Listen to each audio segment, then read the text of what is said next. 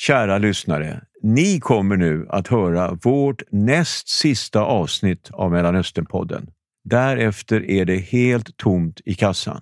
Men det räcker om ni alla swishar 100 kronor per person till oss. Då klarar vi att producera en femte säsong. Och här är swishnumret 123 679 0943. Och du hittar också swishnumret samt ett bankgironummer i avsnittsbeskrivningen. Välkomna till ännu ett avsnitt av Mellanösternpodden som idag återigen ska diskutera Turkiet. Ett Turkiet som ju har fått en något annorlunda roll och utökad roll kan man väl säga i regionen efter eh, i synnerhet då kriget i Ukraina.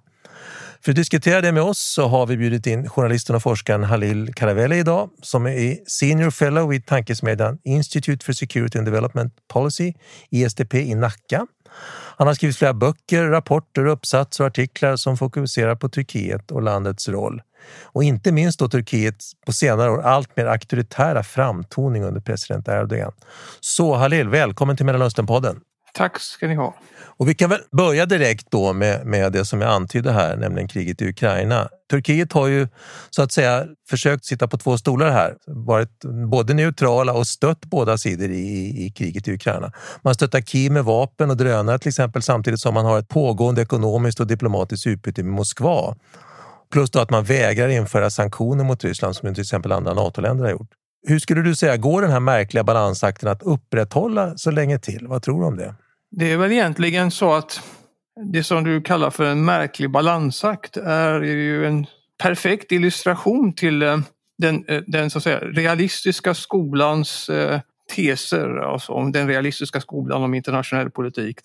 Dess teser om hur världen ska fungera. Det vill säga stater har intressen som man värnar och mm, stater söker maximera sitt inflytande och värna sina intressen. Mm. Uh, så det är, om vi tänker oss att Henry Kissinger är en väg, så att säga, en guide här och inte Huntington. Så, så tror jag att man, så blir ju Turkiets agerande fullt begripligt.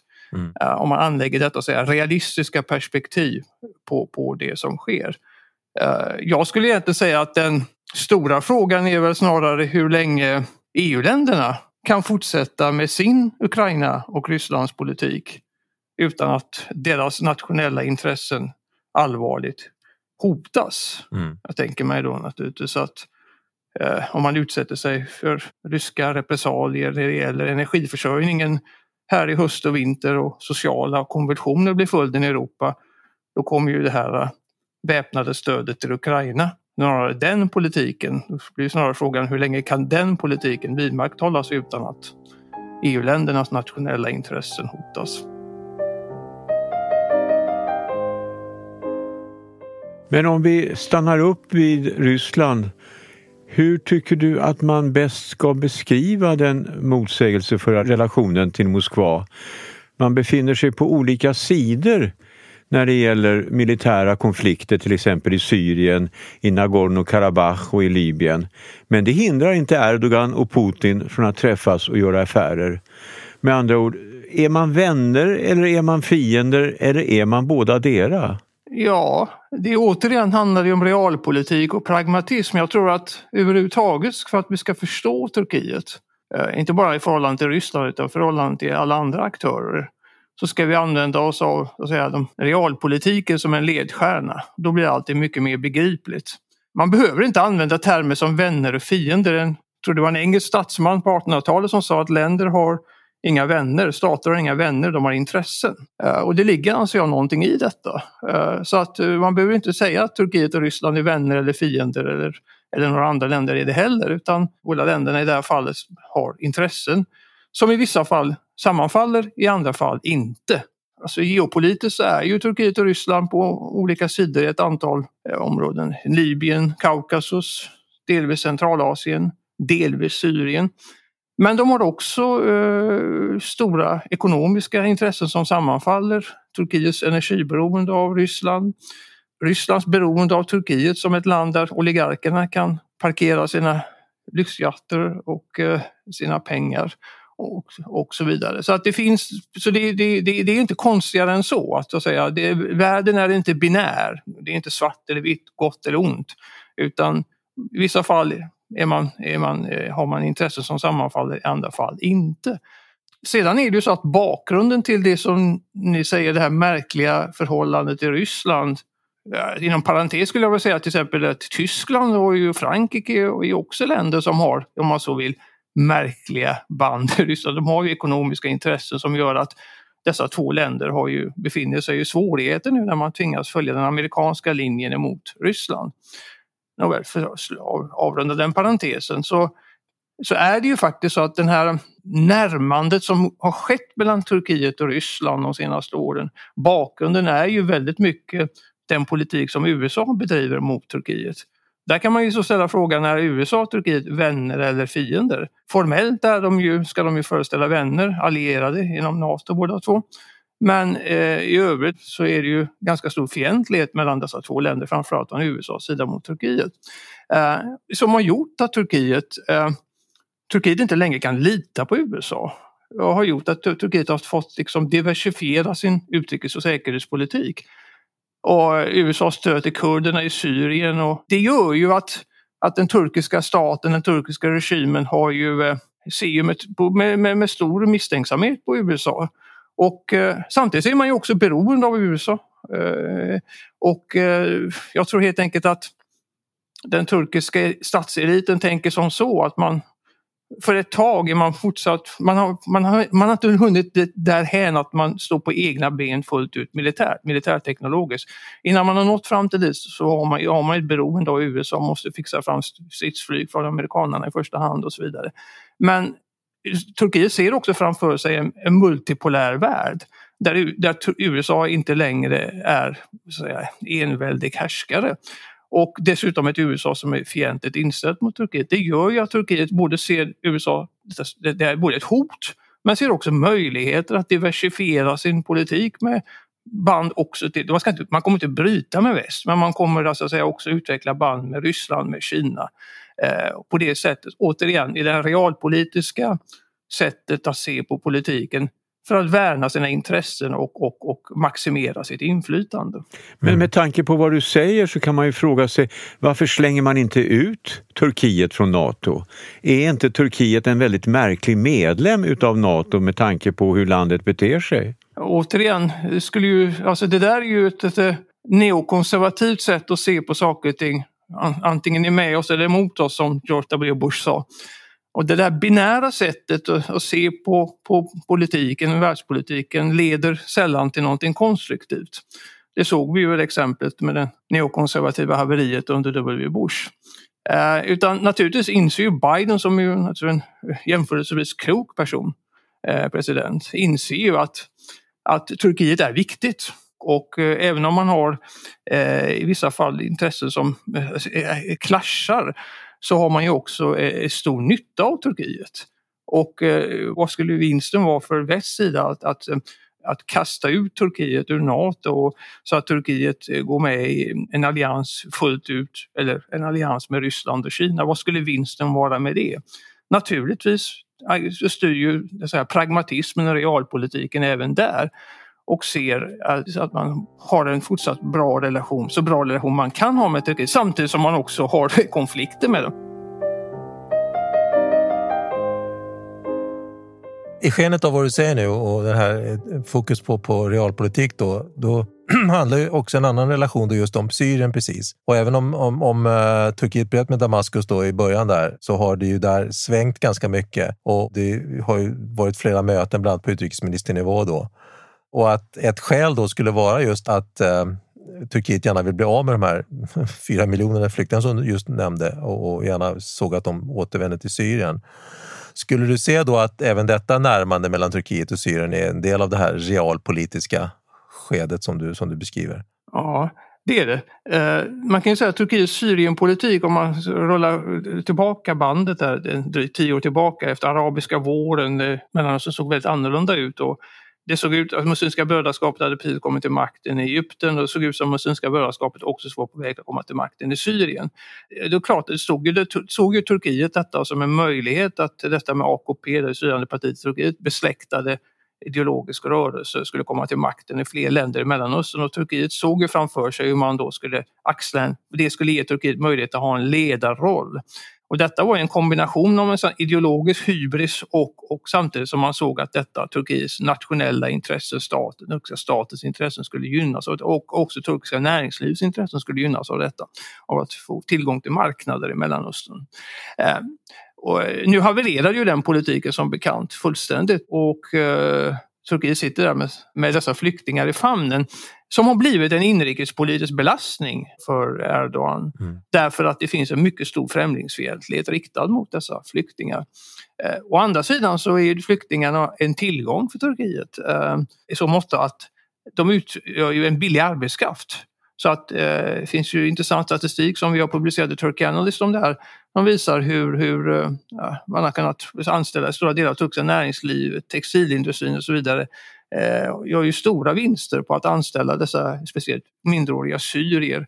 Eh, så att det finns ju ett, utifrån ett ekonomiskt perspektiv så har ju eh, det är lite grann som vi tänker oss i den svenska debatten, de som vill ha fri invandring som kan driva ner lönerna och, så säga, mm. och förändra arbetsmarknaden. Så har det ju fungerat i Turkiet. Och, eh, så där, det är ju ingenting som att man vill bli av med utan vidare. Eh, men sen är det ju det, detta, det på grund av den växande fientligheten så har det blivit en belastning och Turkiet söker nu vägar att, eh, eh, och det, jag tror också att Ryssland spelar ett, ett, har ett finger med i spelet. Bakgrunden för Ryssland är det viktigt att stabilisera den syriska regimen så att man kan liksom på något sätt fokusera på det krig man håller på med i Ukraina.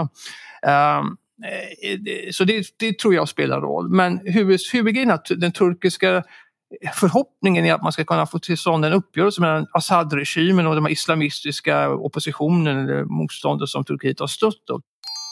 Idlib-provinsen i nordvästra Syrien är idag hemvist för flera av de islamistgrupper som bekämpade Assad-regimen under inbördeskriget. Det gäller dels rester från al-Qaida och Islamiska staten men också en del grupper som stöds av Turkiet. Idag finns ingen central makt som styr provinsen och det bidrar starkt till att inbördeskriget i Syrien inte är över och till en hel del oro i resten av regionen också. Och det skulle i sin tur i förlängningen göra det möjligt för flyktingar, i alla fall en del av dem, att återvända. Men alltså detta är ju väldigt lång väg fram till det. Det finns ju inga tecken på att Assad-regimen skulle komma till en uppgörelse med de här islamisterna, ge dem någon slags del i makten, det är uteslutet. Och vad ska man göra av med dessa islamister som håller till i Idlib-regionen som Turkiet har liksom beskyddat? Vad ska de ta vägen? Jag menar, det verkar, så, Turkiet är ju knappast intresserat av att ta emot dem. Eh, så, alltså, för att få till stånd det här, eh, den här eh, alltså eh, visst, det, det, det Turkiet kommer nu... Det, någonstans inser man ju att man måste normalisera sin relation med Syrien. Det handlar ju också om kurderna i Syrien. Eh, där Turkiet då kan kanske hoppas att Eh, Assad-regimen kommer hjälpa till att så, eh, få slut på det här kurdiska självstyret. Eh, så att de måste, i alla händelser måste Turkiet eh, samarbeta med Damaskus och, och få någon slags modus vände tillbaka med Assad-regimen. Det ligger i Turkiets så att säga, eh, säkerhetsintresse. Det handlar inte bara om flyktingarna, det handlar överhuvudtaget om den kurdiska situationen i Syrien. Så den här konflikten som man har haft med Assad och försökt störta honom, det har ju kostat Turkiet väldigt mycket. Eh, man måste försöka komma ur detta, eh, denna konfliktsituation med Syrien.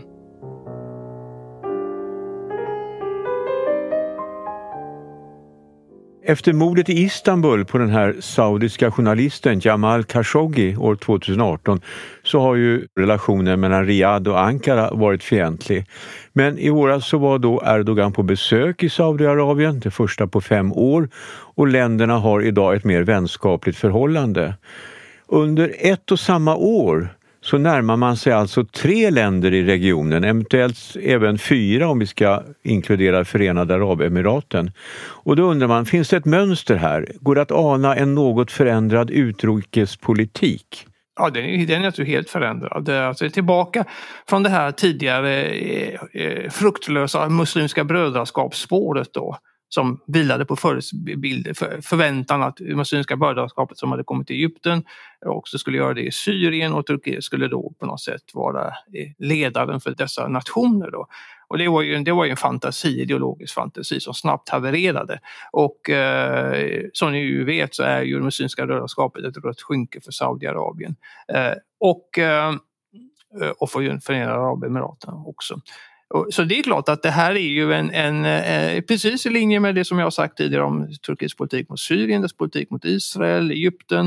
Eh, så är politiken, alltså Förenade Arabemiraten och Saudiarabien, det, det, är det, det, är den här normaliseringen när man lägger liksom den här ideologin åt sidan och knyter band med alla, alla stater. Och jag ska också säga så här att om vi lyfter blicken lite grann bortom det strikt politiska och ser på så att säga, sociokulturella fenomen så är det ju så att man ska också förstå det som sker i Turkiets utrikespolitik i Mellanöstern inom ramen för det faktum att Turkiet alltmer blir en del av Mellanöstern. Turkiet är en del av Mellanöstern på ett väldigt påtagligt sätt idag. Tänk dig om man landar vid den nya flygplatsen i Istanbul så känner man verkligen att man har kommit till Mellanöstern med tanke på flygplatsens arkitektur. Och I somras var jag också besökte eh, den nya stormoské som Erdogan har låtit uppföra i Istanbul med en fantastisk vy över hela staden. Eh, och där kände man sig verkligen man hade kommit till antingen Damaskus eller Kairo med tanke på liksom eh, moskéns arkitektur och den atmosfären som rådde där. Och det är ju ingen tillfällighet. Sen slogs jag ju också av till exempel den mängden araber som, som befolkade Istanbuls gator, alltså lyxkvarteren i Shantash till exempel. Katariska kungafamiljen har ju köpt upp stora landområden i, i de, som, ska, som ska exploateras ut med kanalbygget utanför Istanbul. Och eh, det, det sker en stora ett förflyttning av arabiskt kapital, det har ju pågått länge i och för sig, man har ökat ytterligare till Turkiet. Och man ser också att det kommer bli, alltså Istanbul, Turkiet är ju svalare.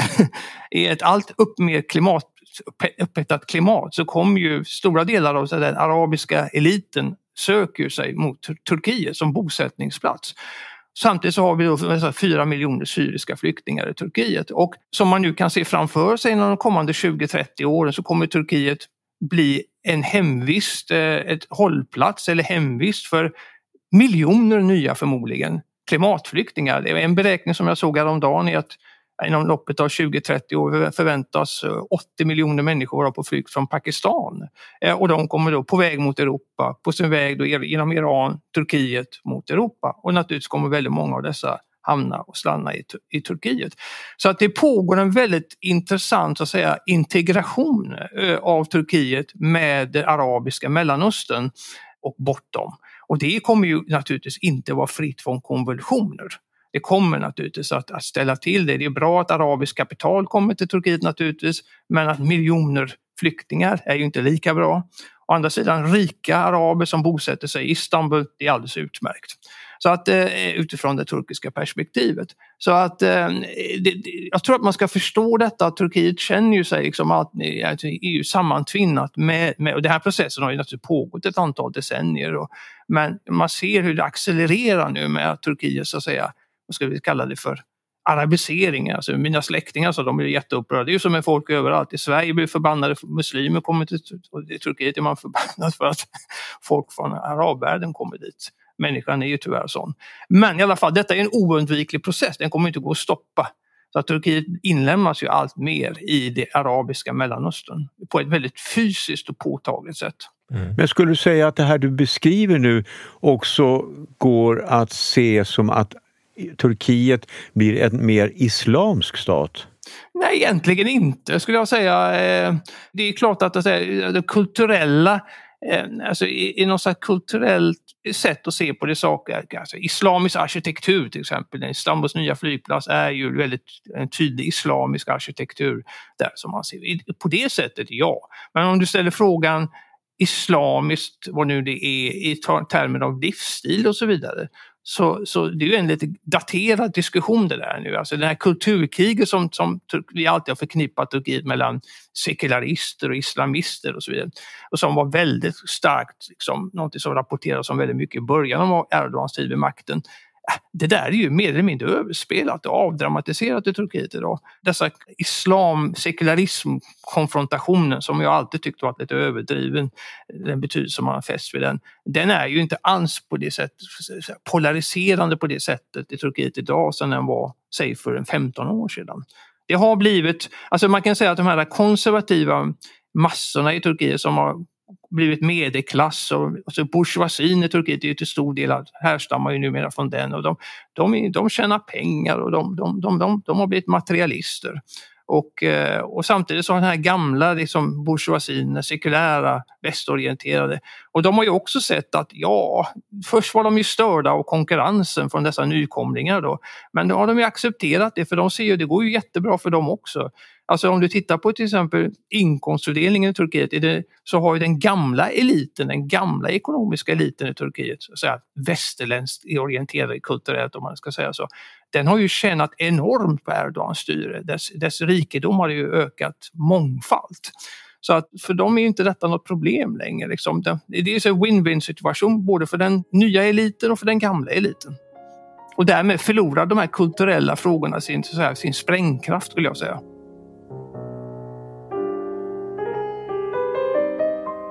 Men om vi håller oss kvar i det inrikespolitiska lite då, eh, livet ändå i Turkiet, så är det ju så då att även om Erdogan inte är en ideolog på det viset som man kanske har betraktat honom som, så när det gäller den ekonomiska politiken så har han ju en del märkliga idéer eh, som har drivit fram en väldigt hög inflation till exempel i Turkiet. Den är ju väldigt, väldigt hög, uppåt 80 procent redan. Och nästa år är det, och det har ju påverkat hans opinionssiffror också. Nästa år är det val då i Turkiet och oppositionen då har ju då, det vet man ju inte hur det går riktigt, eh, men de har i alla fall ansträngt sig för att samarbeta på ett sätt som de kanske inte har gjort tidigare.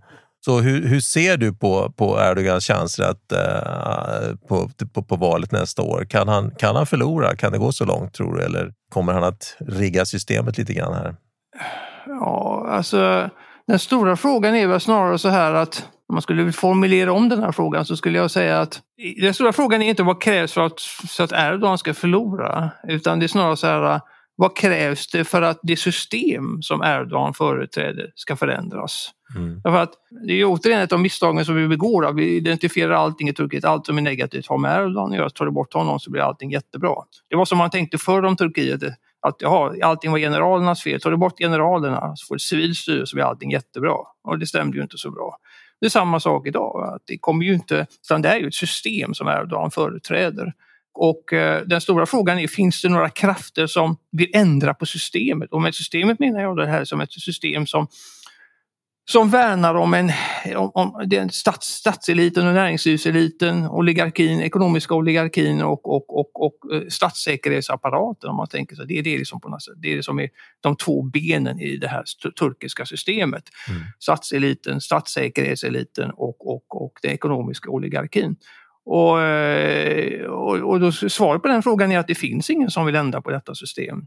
Uh, I alla fall, alltså, jo det finns naturligtvis de som vill ändra på det, men den så kallade opposition som har samlat sig, det är ju en inomsystemopposition. Mm. Det vill säga, det är ju en del, det är ju folk med, med starka band till statsapparaten, eh, partier och, och till det ekonomiska makthavare som, som presenterar sig själva som ett alternativ. För att de vill byta ut Erdogan för att de vill ha en sin egen man, sig själva där istället. Då. Så det är ju karriärister kan man säga och, eh, och snarare än demokrater. Så att eh, vill man ändra på någonting när det gäller Turkiets eh, eh så att säga, förhållande, förhållningssätt till kurderna till exempel? Nej, det vill man inte. Eh, alltså, det slående är ju att massorna är borta, de finns ju inte med i den här kalkylen. Alltså, kurdiska, kurderna, arbetarklassen, bunderna, ingen, det, finns, det, finns inga, det finns inget folkligt deltagande i oppositionen utan det är ett antal politiska elit, man ska tänka, det är några herrar ur eliten och en dam. Mm.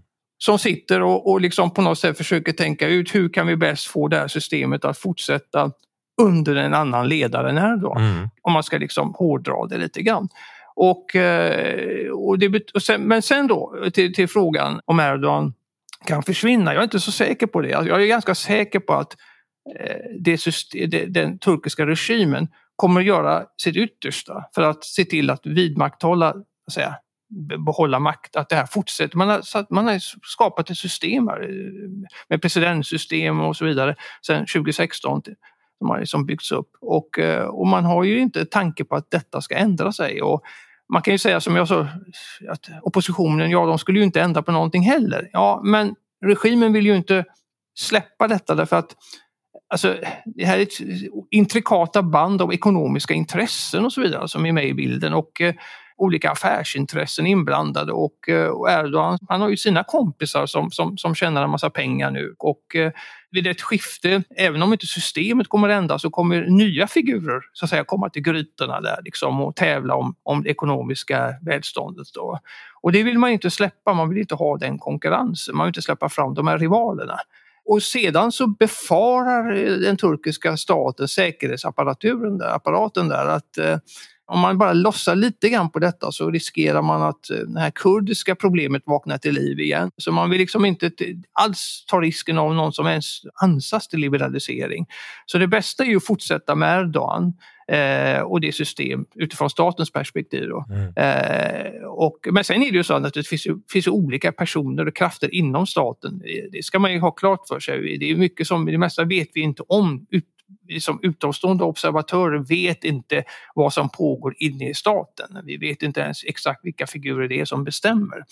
Så det ska vi ha en viss ödmjukhet där. Men jag kan tänka mig att det finns olika fraktioner och olika personer och olika bedömningar vad som är bäst så att säga. Men huvudsakligen är det ju så att man, ett system är på plats och detta system kommer på ett eller annat sätt att fortsätta med eller utan Erdogan. Mm. Så mycket är jag väldigt säker på.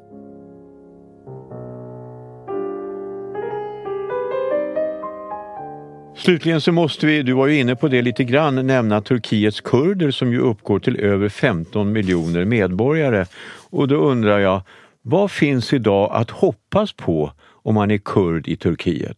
Ja, alltså kurderna har ju en, en, en ja, det är en lång, det är, det är en konflikt, ett problem som den turkiska republiken har burit på i, sen, under sin hundraåriga historia. Och, eh, på ett plan kan man ju säga att kurderna är ju oerhört integrerade i det turkiska samhället. Eh, Alltså, den, den, det har skett en exodus från de östra regionerna och det är miljontals kurder i Istanbul och på andra ställen som har blivit en del av arbetarklassen och medelklassen och till och med överklassen och så vidare. Så att, men vad som är oacceptabelt ur den turkiska statens perspektiv och den dominerande nationalistiska ideologin är ju att man kan inte tillåta några, att kurdiskheten tar sig några politiska uttryck. Det är det som är den röda linjen. Och, och, och, därför så har man ju då satt alla dessa borgmästare som var valda från det prokurdiska partiet HDP eh, i fängelse och partiets förra ledare Selahattin Demirtas sitter i fängelse eh, sedan sex år tillbaka.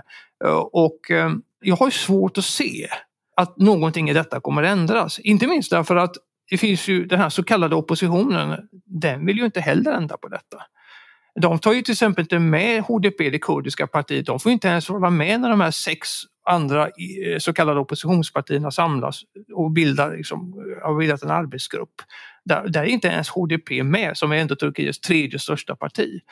Eh, och, och, eh, så man, man gör ju väldigt tydligt att, att de vill man inte ha att göra med från oppositionens sida. Och det betyder att, säg så här, eh, Eh, vad ska dessa, de som vill se ett demokratiskt pluralistiskt Turkiet där detta etniska gränser korsas, att man inte delar upp folk, alltså att, att det inte finns, att allting får komma fritt uttryck på det sättet. Att detta, detta Turkiet ser inte jag framför mig. Men om du skulle vända på frågan och så istället titta på vad är det man är så rädd för? Vad är det man tror skulle hända om man skulle tillåta kurdiska borgmästare i ett antal städer i Turkiet?